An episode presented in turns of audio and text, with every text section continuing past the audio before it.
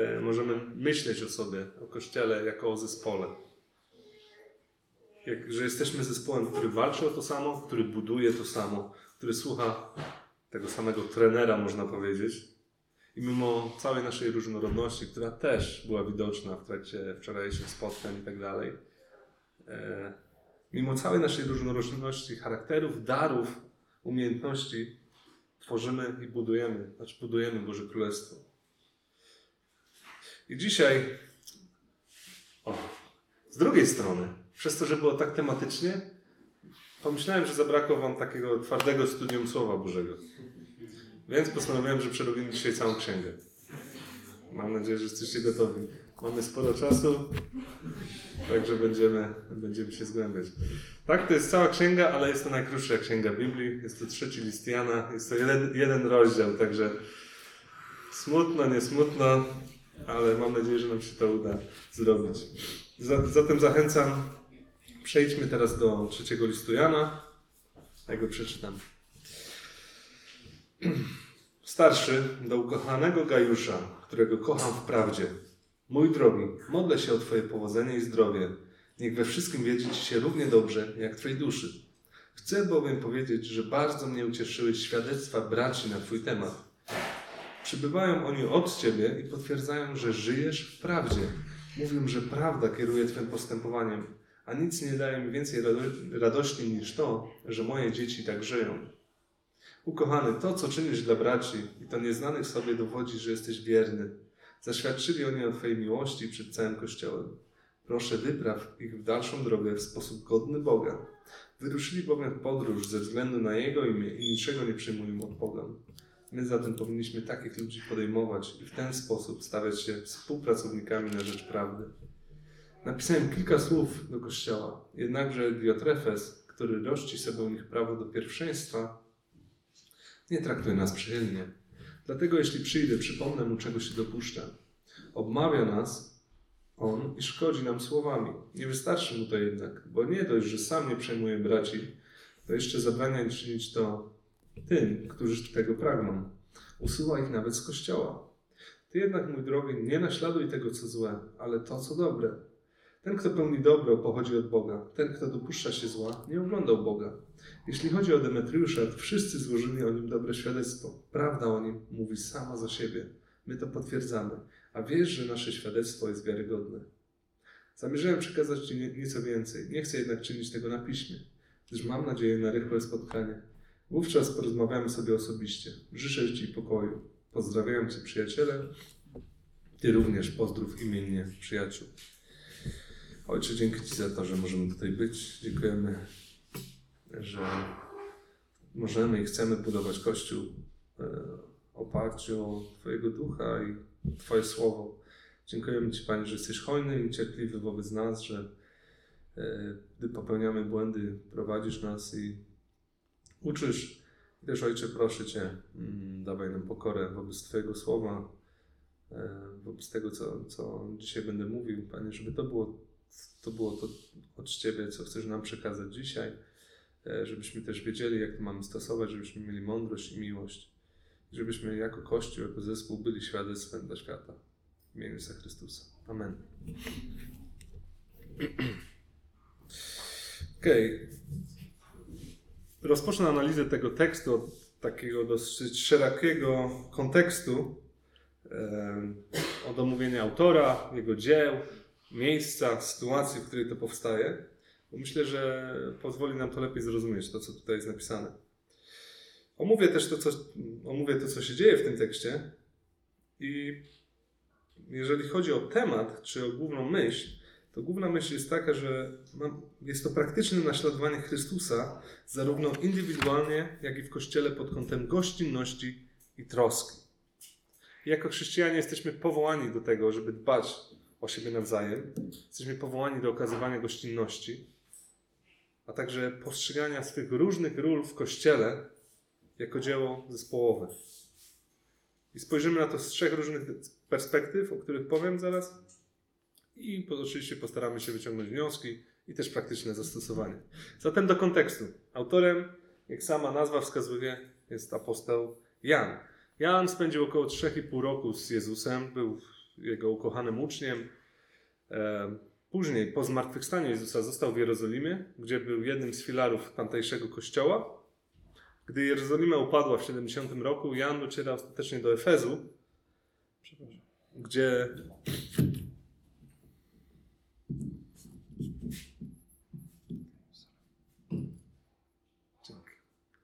gdzie w tym Efezie aktywnie działa wśród chrześcijan Azji Mniejszej. I tam dożywa sędziwej starości i był chyba najdłużej żyjącym apostołem. I też jego pisma to są ostatnie pisma kanoniczne Nowego Testamentu. Swoje listy, czyli te trzy listy, to jest trzeci, ostatni, on pisze około roku 90. Prawdopodobnie te trzy listy były pisane razem albo w niedużym odstępie czasowym. Warto powiedzieć parę słów o miejscu powstania tego, o Efezie. To jest Azja Mniejsza. Kiedy Jerozolima upadła, kiedy były prześladowania w Rzymie, to Efes stał się najważniejszym miastem chrześcijańskim. Kościół tam się rozwijał prawdopodobnie pod przywództwem Tymoteusza.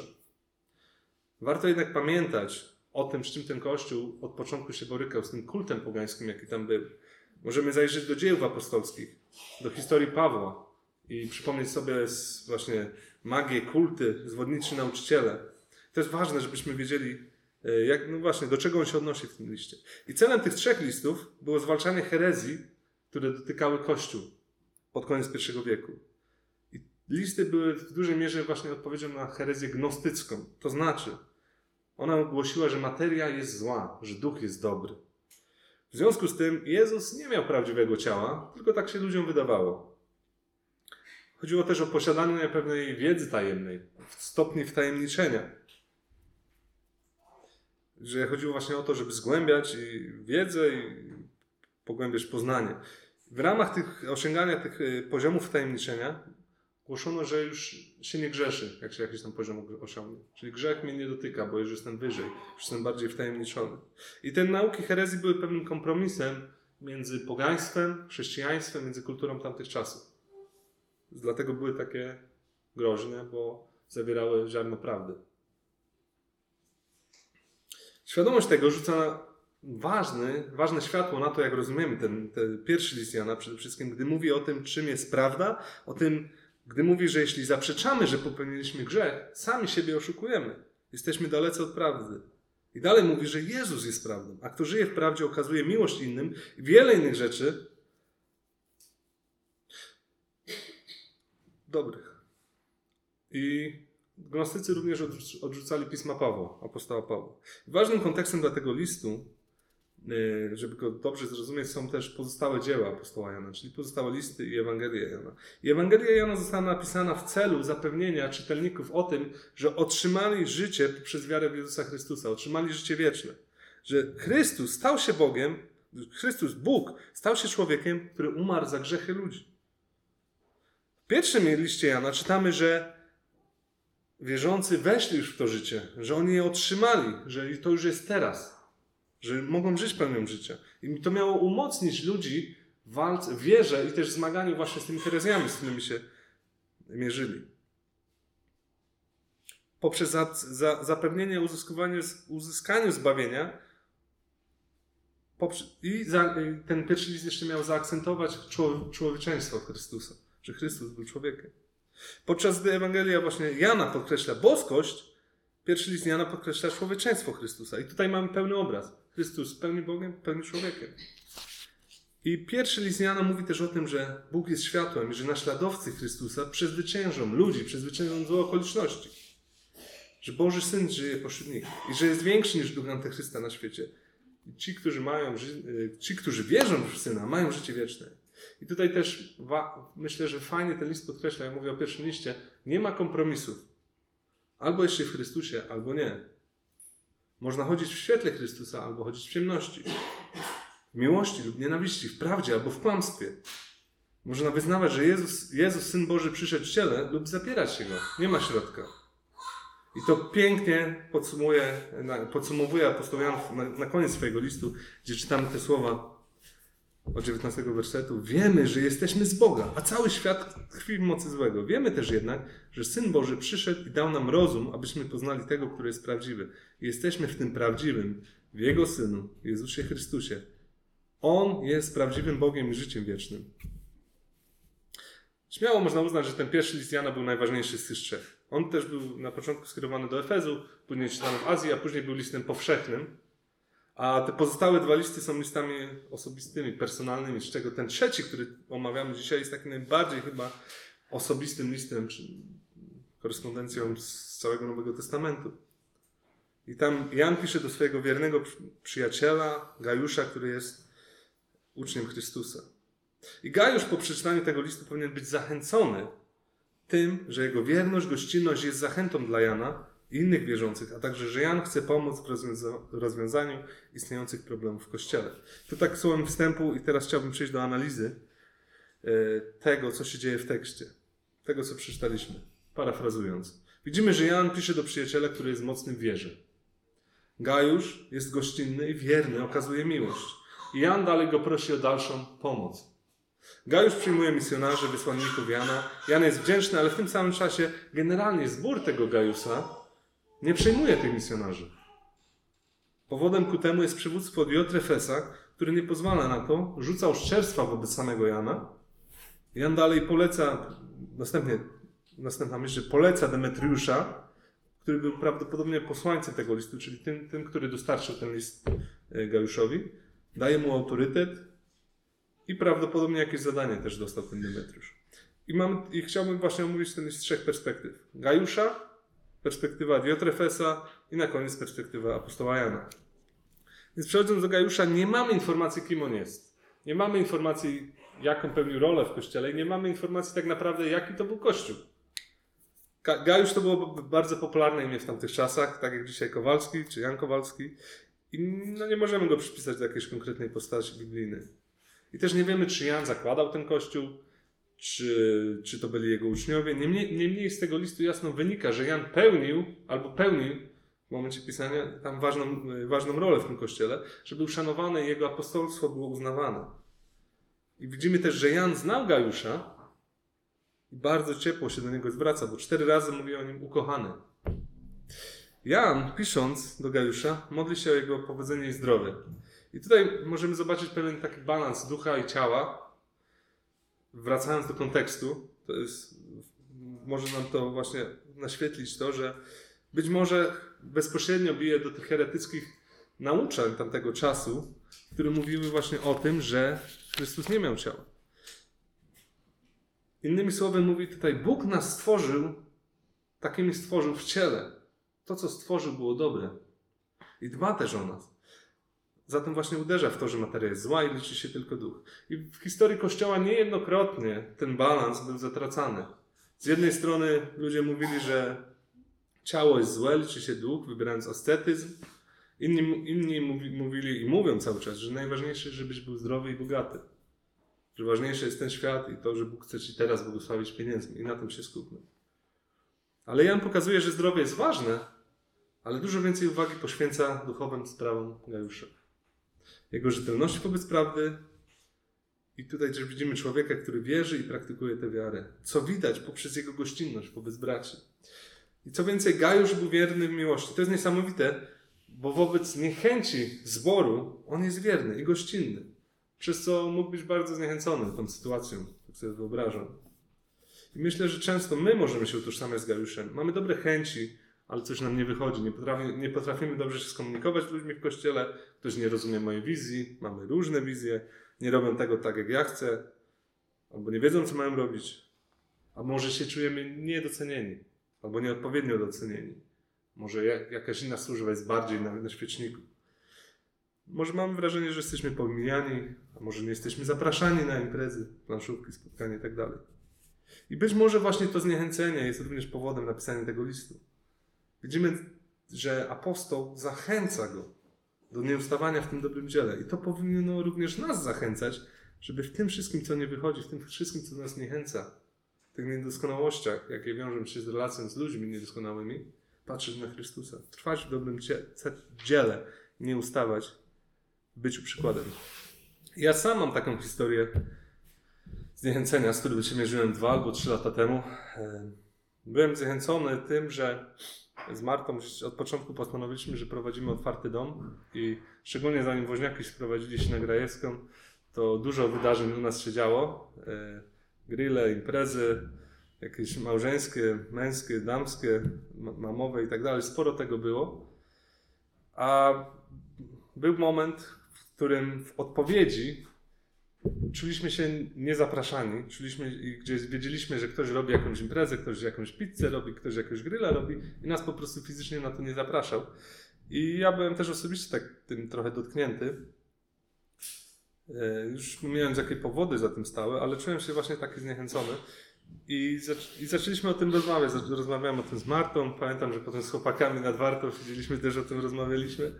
I w rezultacie nie, nie pamiętam, żeby była jakaś taka mądrość, która mnie uderzyła, że ktoś powiedział, ale przez, y, tak sobie myślę, że poprzez właśnie wychodzenie z tym do, do kościoła, do przyjaciół, do ludzi i otwieranie serca właśnie w tych naszych, w tym moich, y, moim zniechęceniu, gdzieś Bóg mi pokazał ciekawą rzecz, że problem jest w moim sercu, a nie w okolicznościach.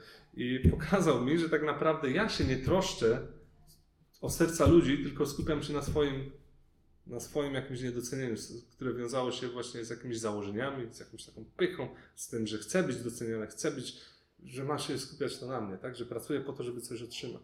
I to jest ciekawe, to dla mnie to było bardzo, bardzo ciekawe, że właśnie chyba w jeden wieczór, będąc rozgoroczonym, przez pokorę doszedłem do tego, że yy, zacząłem być Bóg- Duch Święty zmienił moje myślenie o tym właśnie, że zacząłem po pierwsze doceniać to, co mam i czym mogę służyć, a po drugie zaczęło mi być głupio, że tak, tak mało troszczę się o serca ludzi, tylko na swoim sercu się skupiam. I ja jestem bardzo zachęcony tym sytuacją. I myślę, że to jest związane właśnie z tym, że traktujemy ludzi dookoła nas poważnie, że to jest coś, co Bóg da. Kościół jest czymś, co Bóg stworzył po to, żeby nas zmieniać. I sam tego doświadczyłem. Jestem wdzięczny za tę lekcję. I myślę, że w tym, w tym liście widzimy, że to, co Janowi sprawia największą radość, jest to, że Gajusz był wierny Chrystusowi i potwierdził to swoim działaniem. I właśnie ta wierność czasem, właśnie chyba te przeciwności po to są czasem, żeby podkreślić naszą wierność. I tutaj w tym przypadku na, na, na tle tych przeciwności ta wierność e, Gajusza była bardzo widoczna. I ta wierność wzbudza w Janie wielką ufność, zachętę i prowadzi go do tego, aby dalej dbał o misjonarzy, współpracowników. Że prawda, która jest w Chrystusie, wpływa na jego życie, co więcej, kieruje nim. Ta prawda stawia go w różnych trudnych sytuacjach, ale też prowadzi go do uświęcenia. I Jan, to, po- Jan jasno podkreśla, jak ważne jest okazywanie gościnności, dbanie o ludzi. I też kolejna myśl, że przez okazywanie gościnności uczestniczymy w służbie misjonarzy, uczestniczymy w dobrym dziele, wspierając, uczestniczy się w dziele głoszenia Ewangelii. I to podkreśla, że Kościół jest zespołem ludzi w jednym dziele. I tutaj widzimy też pewne ró- różne role w funkcjonowaniu Kościoła. Jedni zostali posłani po to, żeby głosić. Inni mają ich wspierać, gościć, zachęcać. I to jest świadectwo Kościoła dla świata, że mamy działać jako drużyna, jako zespół, kochać się, wspierać i wypełniać te różne role. Wszystko ze względu na posłuszeństwo Chrystus, Chrystusowi. Różne role zależne od głowy. I ja myślę, że patrząc czasem na ludzi, którzy są na świeczniku, też u nas w kościele możemy mieć różne e, podejścia. Takie dobre podejście to jest fajnie, doceniamy, modlimy się, zachęcamy, jak możemy pomóc. Ale wiem, że trafiałem się, mam nadzieję, że nie u nas. Jeżeli u nas, no to zachęcam do rozmawiania z ludźmi o tym, co mam w sercu, ale jakieś negatywne. To znaczy, może za długo gada, może, może się wymądrza, może go nie lubię, może jakieś negatywne, jakieś uwagi, jak- jakaś krytyka. E, Brak e, konstruktywnej pomocy, tylko jakaś krytyka. A trzecie stanowisko, o którym chciałbym powiedzieć, czy trzecie, trzecie, trzeci punkt widzenia może wiązać się z tym, że gdy widzę, że ktoś jest bardzo obdarowany nie wiem, w organizacji, w przemawianiu, w, ewangelizacji albo w czymkolwiek, to czuję się zniechęcony, że ja taki nie jestem. Że ja tak nie potrafię. Że może nie jestem w pełni chrześcijaninem, skoro nie, nie, nie głoszę kazań, nie organizuję konferencji czy coś takiego. Może to jakieś zniechęcenie się wkradać. I ja myślę, że ten trzeci list jest właśnie bardzo zachęcający dla mnie, ale też dla nas właśnie pod tym kątem. Ponieważ jest skierowany on właśnie do członka zboru, który jest wierny w gościnności, który służy tym, co ma, a nie zastanawia się nad tym, czego nie ma. I Bóg poprzez pisma Jana pokazuje i docenia te małe z jednej strony rzeczy, ale które okazują się być dużymi aktami wierności, przez które Kościół może funkcjonować. I moja myśl jest taka, że Bóg pobłogosławił Cię różnymi darami.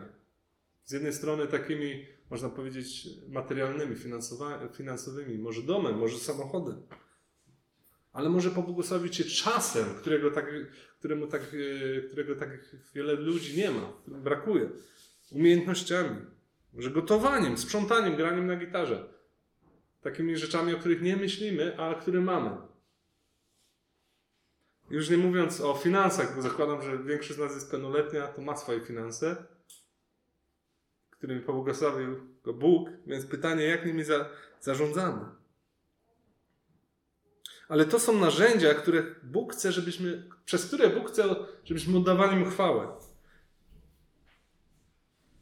Jak, I być może okazją, być może to, co mamy, jest okazją, żeby bezpośrednio głosić Ewangelię, ale może jesteśmy powołani do tego też, żeby robić to pośrednio, poprzez ugotowanie komuś obiadu w kościele, poprzez pomocy w remoncie, poprzez nie wiem, pisanie komuś pracy. No dobra, to jest takie kontrowersyjne, ale no wiecie, o co, wiecie o co mi chodzi. Nie? I ja bym się chciał podzielić e, przykładami z, z mojego życia. I tylko dzisiaj zacząłem nad tym się zastanawiać, bo taka krótka anegdota. Parę lat temu byliśmy na wyjeździe jeszcze jako OSB i tam była taka zabawa, taka pozytywna, docenimy się nawzajem i polegało na tym, że z tyłu na karteczkach, znaczy pisało się na karteczkach coś, z czym się kojarzysz pozytywnie i przyklejało się na plecy danej osoby. Ja wtedy miałem przyklejone przede wszystkim mięso i wołowinę, bo, bo zajmowałem się w tym czasie, nie jeszcze jakieś tam poważne czy coś tam, czy, czy rozsądne. Myślę, że teraz jakbyśmy w to zagrali, to by było, miałbym inne cechy. Przede wszystkim dzieci. I tak, i, dzieci i piękna żona. Oczywiście. E, ale dlatego, dlatego zastanawiam się na tym, czy zacząłem się zastanawiać, czy nie jestem taki monotematyczny, jeżeli mówię o dzieciach i o rodzinie cały czas. E, bo pierwszy przykład był, że może krótko go tylko powiem, że jesteśmy bardzo zachęceni tym, jak Kościół e, pomaga po prostu rodzinom. Że, że możemy liczyć i, i tym tak, liczyć na pomoc, kiedy jest potrzebna mówię w imieniu rodziców. I czasem mam wrażenie, że może do tego przywykliśmy i za mało to doceniamy, ale jest to na pewno zachęcające i jestem wdzięczny. Ale dlatego więcej nie będę o tym mówił, ale chciałem powiedzieć o tym, co mi się przypomniało. Właśnie jakiś czas temu rzuciłem ogłoszenie, że potrzebuję pomocy przy przenoszeniu cegieł. No i chłopaki się zgłosili. I to było takie po prostu. Mieli czas, to nie, nie potrzebne były umiejętności czy coś, czy jakaś siła, ale to, to, jest, to są takie rzeczy, które budują po prostu. Jeszcze jeden przykład chciałem podać, e, który z Martą sobie zdaliśmy sprawę jakiś czas temu. E, nie wiem, czy widzieliście, może słyszeliście o tym, ale nie wiem, z dwa lata temu Marta wpadła na e, jakiś tam pomysł, że jest taka platforma internetowa, że dzięki której ludzie z całego świata mogą przyjechać. To jest taka wymiana kulturowa, ale że przyjeżdżają do nas do domu, my im zapewniamy wikt i opierunek, a oni przez parę godzin dziennie pomagają nam przy dzieciach i w domu po prostu. No a potem mają wolne. To jest tak, oni przyjeżdżają poznać ten, a my mamy pomoc i wymianę językową i tak dalej. No i było trochę tych ludzi u nas, w kościele też byli z, z jakichś tam krajów. I na początku byliśmy tacy spoko, skorzystamy, język, dzieci, edukacja i tak dalej. Ale potem, gdy zobaczyliśmy, że ci ludzie przyjeżdżając z Europy czy ze świata, oni mają, oni są taką białą tablicą, która w ogóle nie znają, nie znają Ewangelii. I w rezultacie z tymi ludźmi przegadaliśmy grube godziny Ewangelii, o grzechu, o, o rodzinie, o wszystkim. I, i to, nam, to nam rozszerzyło perspektywę, że to jest niezwykłe narzędzie Ewangelii dotarcia tam, gdzie nie jesteśmy w żaden sposób w stanie dotrzeć. Że ludzie przyjeżdżają do nas, siedzą u nas przez miesiąc, słyszą i potem wracają gdzieś tam do Anglii czy coś, czy do Hiszpanii z, z tym, co u nas usłyszeli. I to znaczy, dla nas wyzwanie jest takie y, duże przede wszystkim, że przez to, że mieszkają z nami miesiąc w zasadzie cały czas, to nie tylko słuchają, ale potem obserwują, czy my rzeczywiście tym żyjemy, także to jest taka motywacja.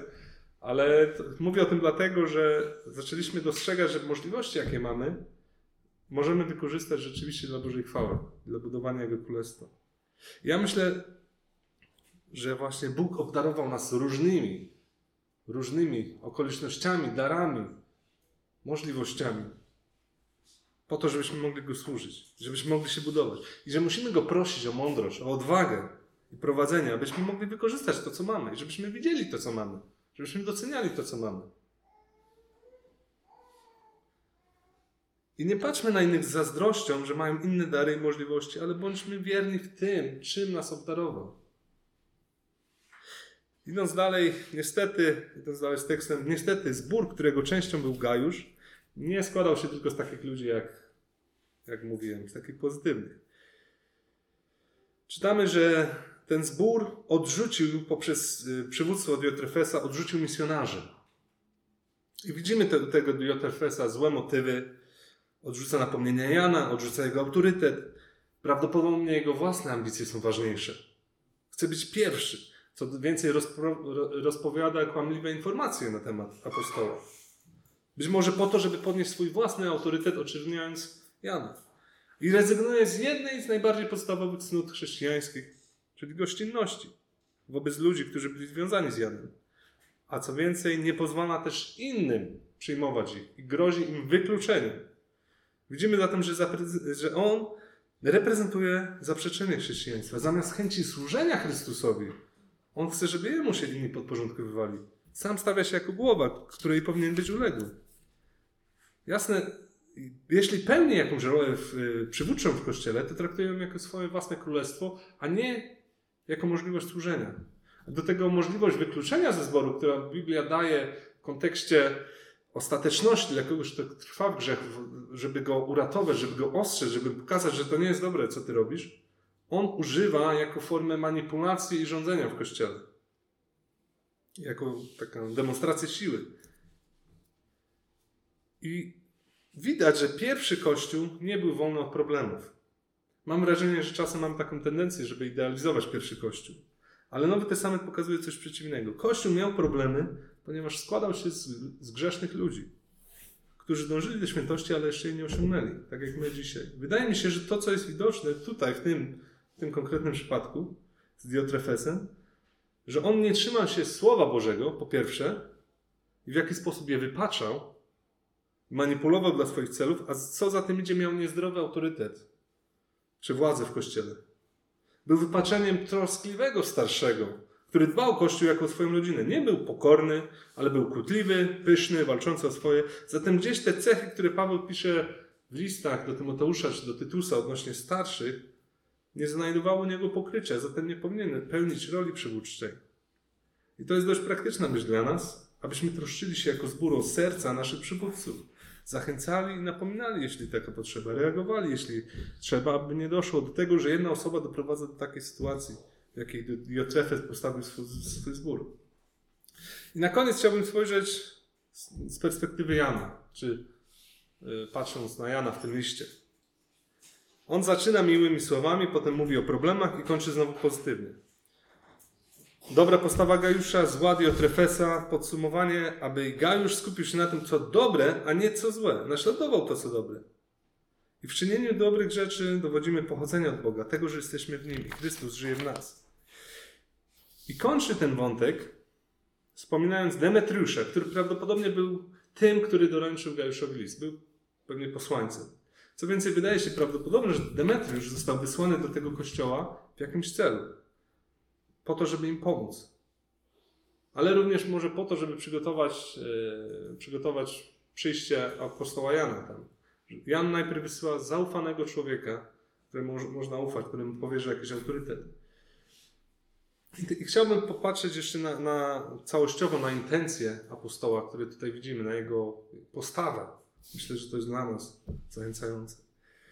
Rozpoczyna od przedstawienia się jako starszy, co z jednej strony może świadczyć po prostu o wieku, ale też o autorytecie, jaki miał w związku z tym, że był apostołem.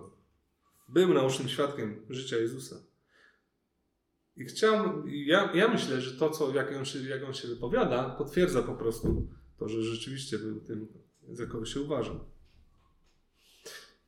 Widzimy wielką troskę, emocje, zainteresowanie życiem Gajusza. Widać troskę zarówno o zdrowie, ale przede wszystkim o ducha. Jak na dłoni widać też dumę, jaka płynie, duma i radość z tego, że jego uczniowie i jego przyjaciele robią postępy, rozwijają się w duchu. Z tego, że widzi ich wzrost. On się cieszy. Tym bardziej, że dostrzega też problemy i przeciwności, z którymi się mierzą w tym lokalnym kościele. I tutaj też pytanie, które dla mnie od razu płynie i dla nas. Czy my zawsze patrzymy w ten sposób na ludzi dookoła nas? Czy my patrzymy, czy, czy cieszymy się, czy obserwujemy tą, obserwując, cieszymy się ze wzrostu i rozwoju naszych braci? Czy patrzymy na siebie i zachęcamy się w dążeniu do tego, do dojrzałości? Ale to nie, to nie tylko to, bo Jan modli się, ale też działa. Wysyła listy z radą, prośbą, ostrzeżeniem, napomnieniem, ale też stawia sprawy jasno, nazywa rzeczy po imieniu. Troszczy się o serce Gejusza, ale też troszczy się o innych ludzi, których wysłał wcześniej. Mówi o wizji i świadomości tego, czym jest Kościół. Konfrontuje grzech, ale nie pozostawia tego tylko listom. Wysyła Demetriusza, który być może miał rozwiązać te problemy, ale sam też szykuje się, żeby tam przyjść i pomóc. Podejmuje wiele prób, trus, tros, trudów ze względu na Kościół, ze względu na Chrystusa. I patrząc na jego przykład, możemy zastanawiać się nie tylko na naszym sercem, czy mamy radość ze wzrostu innych, ale też czy jesteśmy w stanie się zaangażować w życie innych i poważnie zatroszczyć. Widzimy, że u Jana to nie był wysłany SMS, jedno nieodebrane połączenie, ale ciągłe zabieganie, walka o tych ludzi, walka o serca, walka o wiarę. Wysłani ludzie, listy, czy w końcu gotowość przebycia kilkudziesięciu kilometrów pieszo. I czy widzimy w naszym życiu takie osoby, które wymagają tej troski? A nam po prostu może już się nie chce, może straciliśmy nadzieję. Może uspokajamy swoje sumienie tym, że no, poszedł SMS, nie odpisał albo coś. I myślę, że ten tekst zachęca nas do walki o siebie nawzajem. Bo jesteśmy ludźmi, upadamy, tracimy, tracimy nadzieję, tracimy siły.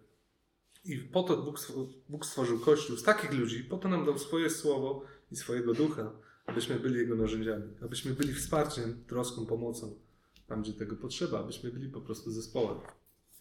Przechodząc do wniosków. Jan zachęca Gajusza do trwania w dobrym dziele. Związane jest to z, z nadzieją prawdy. Prawdy, która jest w Chrystusie. Dobre dzieło wiąże się z tym, że człowiek jest świadom tego, że jest grzeszny. Grzeszny to znaczy oddzielony od swojego Stwórcy, Boga, który jest święty. W nas nie ma nic dobrego bez Chrystusa. Jesteśmy totalnie zepsuci. Nie możemy Bogu nic dać. Grzech jest wszelkim aktem nieposłuszeństwa wobec Boga. Niezależnie czy to jest kradzież, kłamstwo, cudzołóstwo, cokolwiek innego. I czytamy, że zapłatą za ten grzech, za grzech jest, jest tak jak w liście do Rzymian napisane, jest śmierć. Kto zgrzeszył, powinien umrzeć. To jest poważna sprawa. Nie tylko fizycznie, ale jest też martwy duchowo. Nie ma dla niego żadnej nadziei, jednak Bóg swojej łaskawości i swoim miłosierdziu od początku zapowiedział ratunek. Ratunek polega na tym, że Chrystus, Bóg, który stał się człowiekiem, żył bez grzechu, był święty, postanowił własnej woli przyjąć na siebie karę za grzech. Mój, Twój, każdego, kto w niego wierzy. Dzięki temu Boża sprawiedliwość jest spełniona. Zapłatą za grzech jest śmierć i Chrystus umiera po to, żeby zapłacić za grzech. Ratunek polega na tym, że wierząc w to, że jestem grzeszny i sam nie dam rady, wierząc, że Jezus jest Bogiem, który stał się człowiekiem, umarł za mnie, zapłacił za mój grzech, pojednał mnie, mogę być czysty. W Ewangelii Jana Nikodem mówi, Jezus mówi do Nikodema, że Bóg przez wiarę w to zradza człowieka na nowo. Człowiek przestaje być martwy, jest nowym stworzeniem. I pytanie, które każdy z nas sobie musi zadać, albo już sobie zadał, czy ja jestem nowym stworzeniem? Czy wyznałem Bogu grzechy, czy opamiętałem się? Czy odwróciłem się od nich i prosiłem, aby On był Panem i dał mi nowe życie? Jeśli nie, to wzywam i zachęcam. Proś Go w modlitwie. Jeśli nie jesteś pewien, pewna, poproś kogoś tu obecnych o pomoc. Nie ma innej drogi. Jezus mówi o sobie, ja jestem drogą, prawdą i życiem. Nie ma innej drogi. Ale Bóg daje, dzieci, Bóg daje swoim dzieciom Ducha Świętego, o którym tak dużo mówiliśmy, aby je prowadził.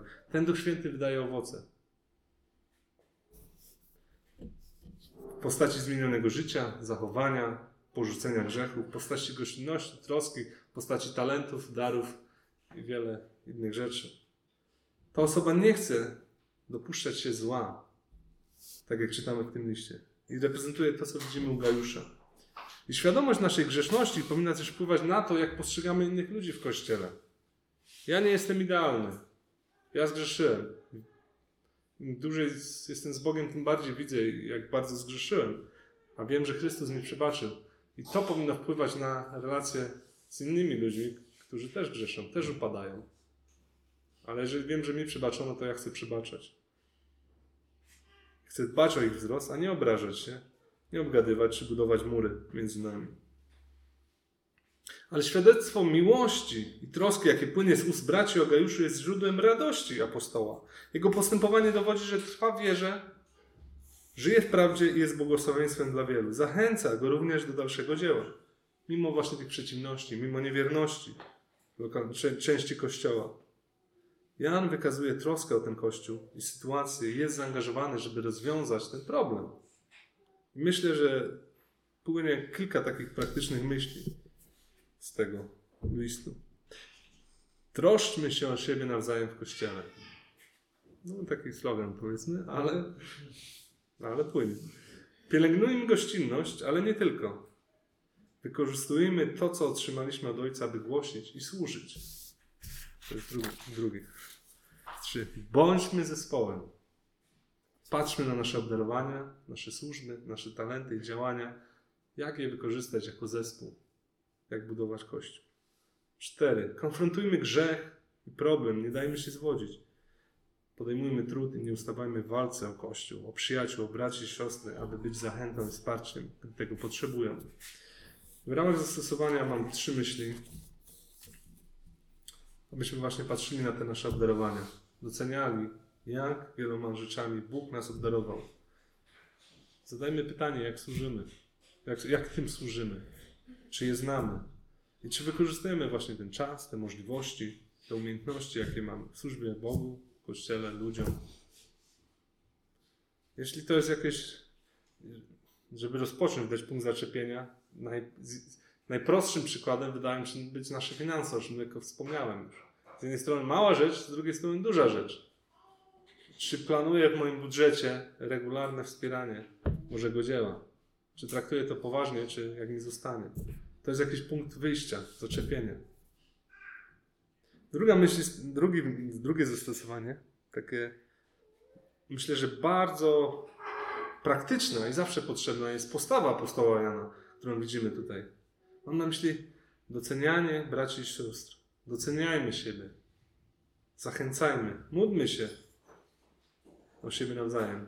Doceńmy właśnie dobre ciasto, dobrą muzykę, dobre rozłożenie sprzętu i tak dalej. Jest naprawdę co doceniać i za co być wdzięcznym. I trzecia myśl, trzecie zastosowanie. Ważne, żeby to wynikało ze szczerego zainteresowania i z miłości. Dbajmy, ale to, to, to się wiąże z tym, że musimy się znać. Że chcemy pogłębiać nasze relacje. Że nie, nie, w naszych rozmowach nie ograniczajmy się do ogólników, ale schodźmy do tej głębi. Co u Ciebie z Bogiem?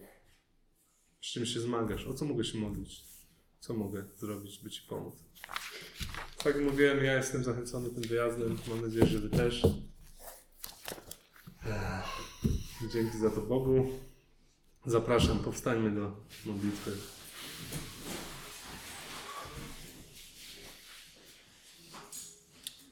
Ojcze, dziękujemy Ci za to, że możemy być Kościołem. Dziękujemy Ci za Twoje słowo, za to, że w tym słowie widzimy też to, że pierwszy Kościół nie był wolny od problemów, że składał się z ludzi, którzy popełniają błędy, którzy potrzebują wybaczenia, którzy potrzebują zachęty, którzy potrzebują wsparcia.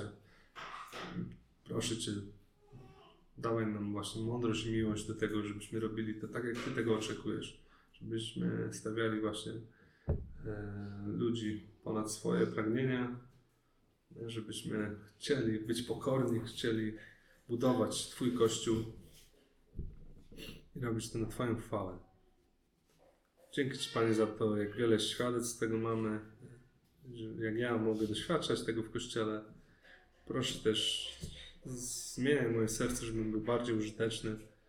E, I też dawaj nam radość, radość w tym, żeby to było coś, co chcemy robić i w czym widzimy sens, Panie, i coś, co, co, co jest po prostu fajne i zachęcające. Tobie niech będzie chwała. Amen.